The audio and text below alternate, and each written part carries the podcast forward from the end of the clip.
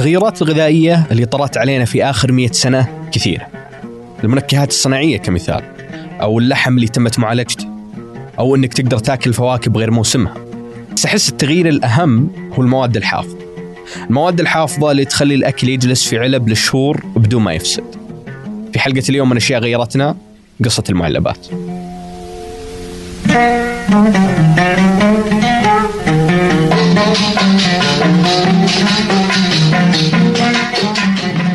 يا هلا. أنا مازن العتيبي وهذا بودكاست أشياء غيرتنا من إذاعة ثمانية. في كل حلقة أجلس مع المؤرخ الاجتماعي منصور العساف ونستعرض شكل من أشكال تغيير المجتمع السعودي. قبل المدنية وظهور الأطعمة المحفوظة كانت طبيعة الجزيرة العربية اللي في معظمها صحراوية مقللة من خيارات الأكل لأغلب سكانها. وخلاها مقتصرة على أنواع معينة تنعد على أصابع اليد. في الجزيرة العربية أكلهم أربع حاجات أو خمسة. القمح تمر اللحم اللبن السمن والعسل. يعني هذا يدو يتمحور معظم أكلات أهل الجزيرة العربية وربما حتى البشرة حول الأكلات هذه. اللهم آه، سكان السواحل الأسماك ويعني آه، خيرات البحر. وقبل المواد الحافظة كانت طريقة حفظ الأكل الأساسية هي التجفيف والتمليح. لكن في فترات من التاريخ يعني كانت نقلات نوعية في حفظ الأطعمة. كانوا أهل الشام في آه، العصور الزاهية الإسلامية كانوا عندهم طرق وطقوس لحفظ الأطعمة اللي هي مثلا الآن ولا زالت ترى معروفة عن أهل الشام اللي هي المخللات. وخذ يعني المخللات ترى أنواع ولها سلالات في الطريقة.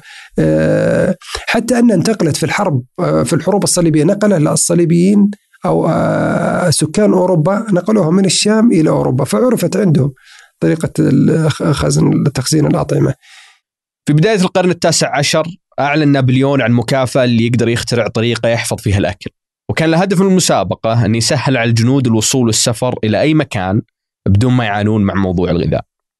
كانت هذه المكافأة من نصيب نيكولاس أبرت اللي اخترع طريقة لحفظ الأكل في القوارير الزجاجية. بعدها بفترة جاء عالم إنجليزي وهو بيتر دوراند وطور الفكرة وحفظ الطعام في علب معدنية بدل القوارير. ومن هناك استمرت التطورات في طرق حفظ الأطعمة. وعلى نهاية القرن التاسع عشر بدأت هذه التطورات توصل المنطقة وشكله كان في جدة تاجر يوناني يقال أنه من أوائل من باع المعلبات في المنطقة.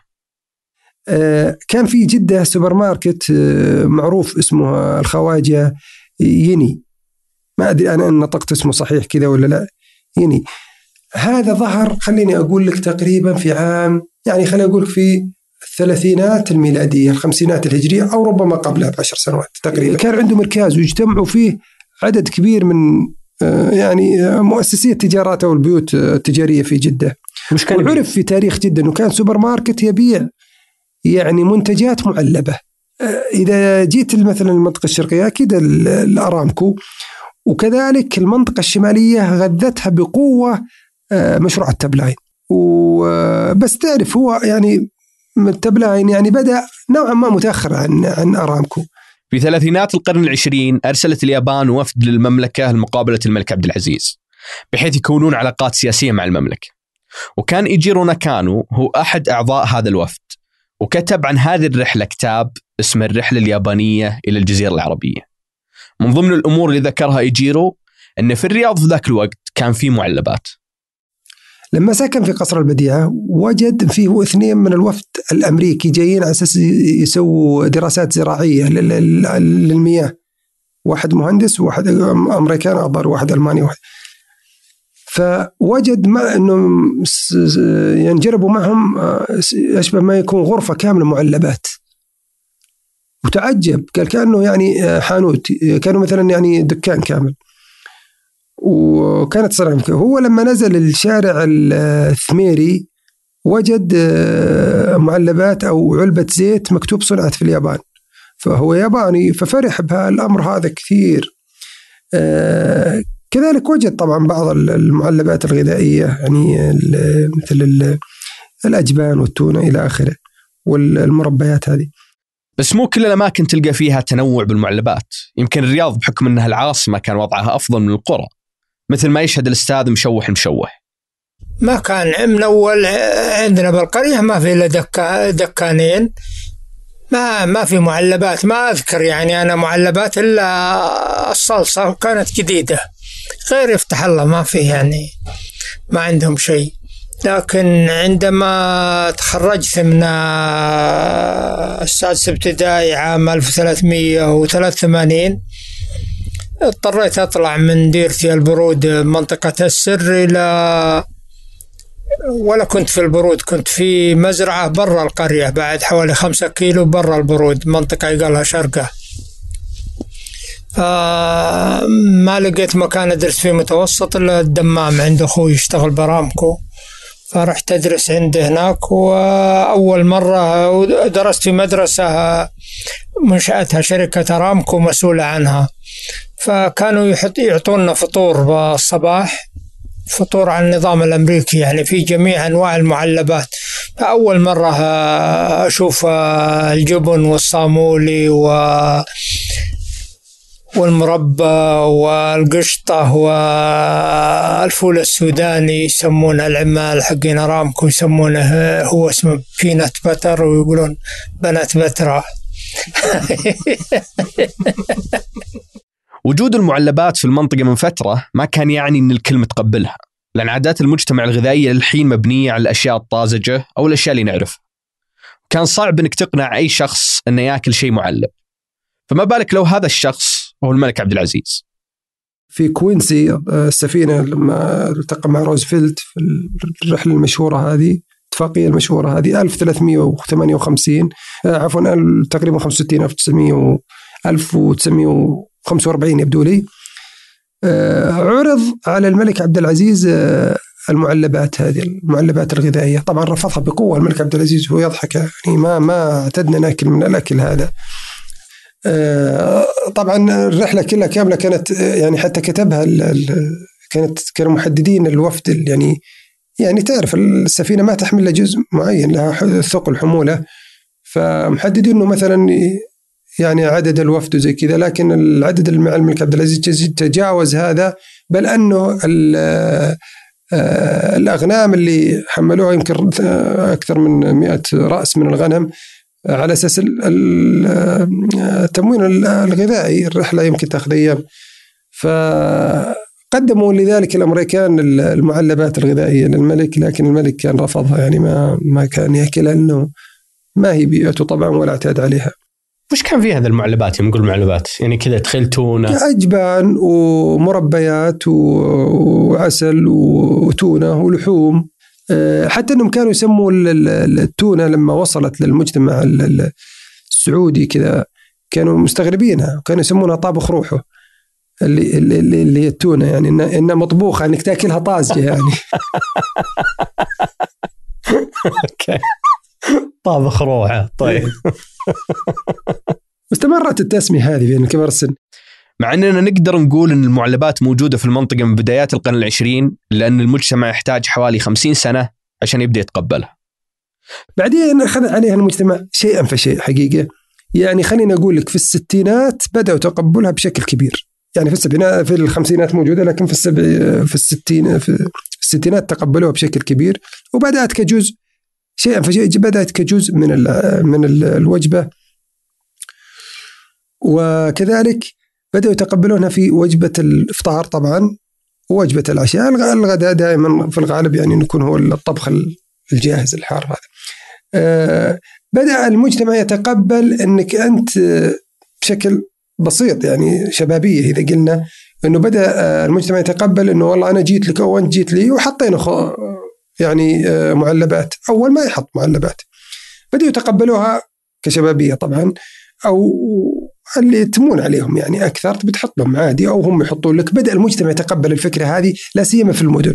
كانت مثال على البساطه بساطة. وال يعني وش اللي أوه إذا أنت مخفف وش متعشي وتعشيت مع اللبان وكذلك إنك أنت أنت شوف تزامنت مع التسابق في أو التمرحل أجهزة الاجهزه الكهربائية، أنت في الفترة ذيك ما عندك ثلاجات، ولما تشتري اللحم بيفسد، اللحم لازم تجيبه باستمرار، وأنت الآن في وظيفة والمرأة تبي تطبخ في البيت. خلاص تقبل صار في قبول أكثر للمعلبات الغذائية.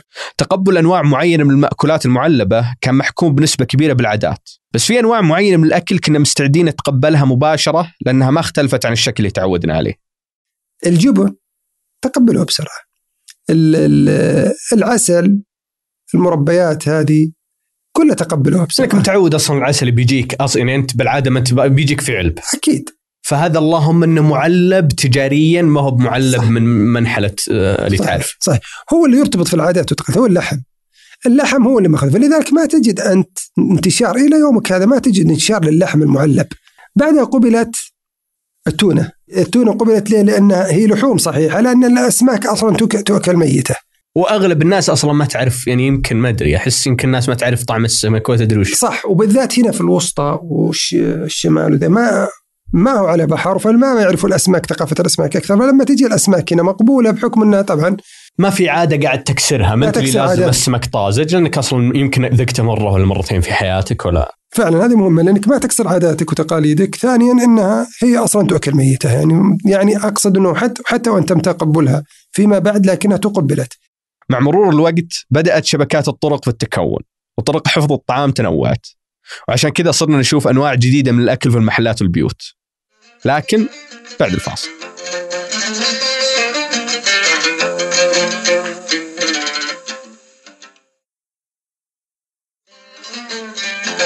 قبل الفاصل كنا نتكلم عن تنوع الأكل وكيف ساهمت الطرق والحركة التجارية في زيادة هذا التنوع. وأصبحت في ثلاجات تجيك من لبنان من بيروت ومن سوريا. إحنا نورد القمح لروسيا، روسيا نورد للقمح. فالحركه التجارية سواء البحرية أو الجوية أو البرية، لا سيما البرية في الفترة هذه بدأت نأخذ الزيتون من الأشقاء في فلسطين ولا الأردن وكذلك إحنا نرسل القمح. درجة كبيرة. مثلا، نرسل مثلا خليني أقول لك مثلا اللحوم والألبان إلى آخره، فهي منظومة العسل عندنا. آه، تبادلية مع التجارة. لكن اللي اللي برضه ساهم في تغيير المشهد اللي الثلاجات. الثلاجات أنا أعرف إنه لما ظهرت هي قادره على حفظ اللحم. واللحم اللحم هذا إشكالية. اللحم ثابت إنه ما يعني يؤخذ من المعلب ما ما يستق ما يستساغ من المعلبات. لكنه لما ظهرت هذه حتى الأطعمة هذه بعضها يحتاج تبريد. فأنت تاخذها وتحطها في الثلاجة. فساهمت الثلاجة والمدنية في قبول المجتمع للمعلبات الغذائية. تنوع الأكل كان يختلف من منطقة لمنطقة. في المناطق البعيدة كانت خيارات الأكل محدودة وبالعادة تكون من الموارد المتاحة في ذيك المنطقة. وهذا عكس المدن الساحلية والتجارية. نجي مثلا مواقع مثل المدينة المنورة مثل جدة مكة. لا عندهم ال- ال- ال- آه، التغيير متسارع وكذلك آه، اول الم- الميناء موجود وبكثرة الحجاج وما ينقلون الحجاج وإلى آخره. فالتشكل في المطبخ الحجازي متسارع عن غيره. السبب طبعا الحجاج والانفتاح مع ال- ال- التجاري. وكذلك تعرف التجار يعني اجتمعوا في لا سيما في جدة مثلا اجتمعوا في جدة فبدأوا يكونوا وكالات لل لل- لل- للمنتجين اللي برا. لو تتذكرون جوالات نوكيا القديمة أسماء زي العنيد والرهيب مألوفة لكم. وهي أسماء اخترعوها الناس عشان تسهل عليهم معرفة الجوالات بدل ما يحفظون رقم الموديل. هذا المفهوم متكرر على مر التاريخ. واللي صار مع جوالات نوكيا في بداية الألفينات صار مع المعلبات لما انتشرت بين الناس. يعني كانوا مثلا يسموا ال- الجبنة هذه أبو ولد والشاهي هذا أبو جبل والحليب هذا أبو قوس والشاي ذا أبو جمل أو ال- ال- ال- ال- ال- الحلوى الحلاوه الطحينيه أبو جبل يعني آه، الرز أبو بنت أبو شوكة وملعقه أبو أبو أبو أبو كله. يعني التسمية أبو قوس أبو بنت جت من الناس؟ لا في في منتجات قبل هذه كانت تسميتها جاية من الناس. أبو شماغ أبو كذا أبو كذا أبو ولد فجت تسميتها من الناس. التاجر لها اسم. التاجر لما شاف كذا اللي انشهر الاسم ذا صار اسم تجاري حط الاسم هذا. وضع الاسم يعتمد الاسم هذا. ليش أجبرهم على الاسم هذا إيه. اللي عندي؟ خلني اسم لا هو أول ما نزله سماه أول ما يعني نشر منتجه قبل عفوا ما ينتشر. اختار له اسم من البيئة اللي الناس قاعدة تسميه عشان اسهل له فلذلك استمرت. لما بعدين عرفوا الناس ثقافة الماركات والوكالات هذه وصاروا يعني يسم يحملونها باسمها وعلى المستوى التجاري لما صارت المنتجات تتكرر صار التجار نفسهم يطلعون بأفكار جديدة وغريبة عشان يميزون نفسهم عن البقية ويجذبون الناس. فأنت لازم تحدد حاجتين تراجع الأسعار يساعد الأسعار إذا زاد التنافس ساهم في قل يعني توازن الأسعار لو واحد محتكر يقدر يزود السعر فوق لكن زاد مع منافسين يضطر يتواضع في أسعاره. ثانيا يزيد الجودة. ليه يزيد الجودة؟ لأنه يخليك تتسابق مع الزمن في إنك تنتج أشياء حديثة زي ما قلت لك في مسألة اللبن كان غني بالزبدة ثم أصبح قليل الدسم ومنزوع الدسم. آه، نفس الشيء في المعلبات، المعلبات الغذائية ظهرت كان أنا أذكر فترة كانت منتجات معينة في الحليب في لا الحليب له مشتقات لكن آه، في الجبن في الزبدة في كانت منتجات معينة تشوفها وتعرفها لما ظهر المنافسين المنتجات هذه بدأت تتغير من انتاجها تحط علب صغيرة وعلب كبيرة. تحط هذا مخلوط في كذا هذا مخلوط في هذا تحط النكهات. وخذ هذه أسباب طبعا تجارية لكن اللي أقصده فيها إنه في فترة الستينات هي الفارق الكبير في عالم ال- حتى والله والخمسينات. كانت الفارق الكبير في قبول الأسرة السعودية للمعلب الغذائي. الحليب له مكانة كبيرة في المجتمع السعودي والعربي بشكل عام. وعشان كذا كان عندي فضول أعرف كيف تقبل المجتمع فكرة الحليب المجفف والمعلب خصوصا للاطفال الصغار. برضو حتى غير إنه يعني مو رفاهيه حاجة قلة المرضى يعني ال ال ال ال ال ال الناس مثلا في البوادي وفي القرى آه، إذا التكافل الاجتماعي كبير لكن لما تول- تولد مثلا المرأة هذه وهي تعبانة ولا فتعطيه فلانه وفلان ترضعها في تكافل. لما صاروا في مدن عزله وما فيه والمرأة مثلا يعني تعاني مثلا من آه، بعض الأمراض أو حتى هي تعبانة بعد الولاده فما في أحد يرضع فانتشرت. ناهيك إلى أن الإعلان والراديو وذا بدأ حملات هذه. ما هي حملات موجهة لكنها برامج فيه عن الأسرة عن آه، عن التغذية وتغذية الأسرة فتقبلوها الناس. لكن كان برضو في جميل في المسألة. إنه كانت تصل فتاوى باستمرار يعني عن الحليب حليب و, و يعني هل هو حلال ولا حرام وكانت. تقبل لا أقصد يعني طريقته لا هو حلال لكن هو طريقته في منتصف الثمانينات ومع كثرة الأسواق المركزية الكبيرة بدأت الناس تتقبل أنواع أكثر من الأكل المحفوظ والمعلب. وتدخل تلقى ثلاجات من أول إلى الآخر كلها جوامد وتلقى معلبات فظهر لك يعني خليني بقول لك في الثلاجات المجمدة ظهرت البيتزا كانت مجمدة. كانوا يأخذونها بالبيت ويطبخونها في البيت. يعني آه بيت كروكر الكيكة كاملة بس خلاص تأخذها معك وتروح تسويها. فظهرت اللي هي سريعة التحضير. الا الطبخه مطبوخة لك بس مجمدة وتروح تسويها في البيت. لكن بدينا نشوف ظهور أصوات تنادي بمحاربة المعلبات لأضرارها الصحية. ويبغون نرجع للمنتجات الطبيعية والعضوية. هالرفض اللي كان زمان موجود محليا لأن الناس ما كانت متعودة على المعلبات صار اليوم حركة عالمية تنادي برفض الأكل المعالج بكل أنواعه. بس إذا في شيء ما أحد ينكر إن المعلبات سوته فهو إنها سمحت لنا وللعالم كله انه يذوق حاجات كان مستحيل يذوقها بدونها. سواء كان هالأكل طبيعي ولا معالج ولا صناعي. نختم بواحده من ذكريات الأستاذ مشوح مع المشروبات المعلبة ونذكركم بإن في نهاية الحلقة مقتطف من حلقة الأسبوع الجاي. أشوفكم على خير. أول مرة في حياتي أذوق آه، المشروبات الغازية عندما رحنا الشقرة نسوي صور يقولون عكوس. فتقاسمت أنا ويا زميل لي قال خالد البعيز الآن ما شاء الله عليه رجل أعمال كبير بالرياض. تقاسم أنا وياه آه، قارورة ميرندا بسبعة قروش هو دفع ثلاثة ونص وأنا دفعت ثلاثة ونص. وعاد نمزح معه ويقول لا أنك شارب أكثر مني. وأنا أقول له آخر شيء فزعنا واحد من الإمارات. قال لا لا يلعب عليك تراك أنت اللي مظلوم أنت شارب من علو القارورة. القارورة صغيرة ومن تحت كبيرة هو اللي شارب أكثر.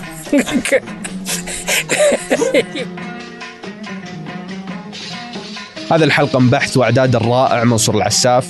أنتجها وحررها العنيد ثمود بن محفوظ هندسها صوتيا محمد الحسن. وراجعها الوليد العيسى وإيمن الحمادي.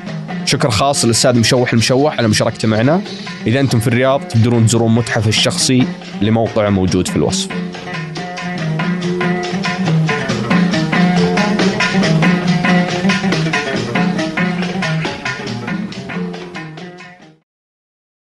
أثناء الكورة إذا بالذات في المدارس المستأجرة أثناء مع اللعب والحماس تعرف الشباب يعطوا شوي طاقة زايدة فالكره تقفز إلى الجيران.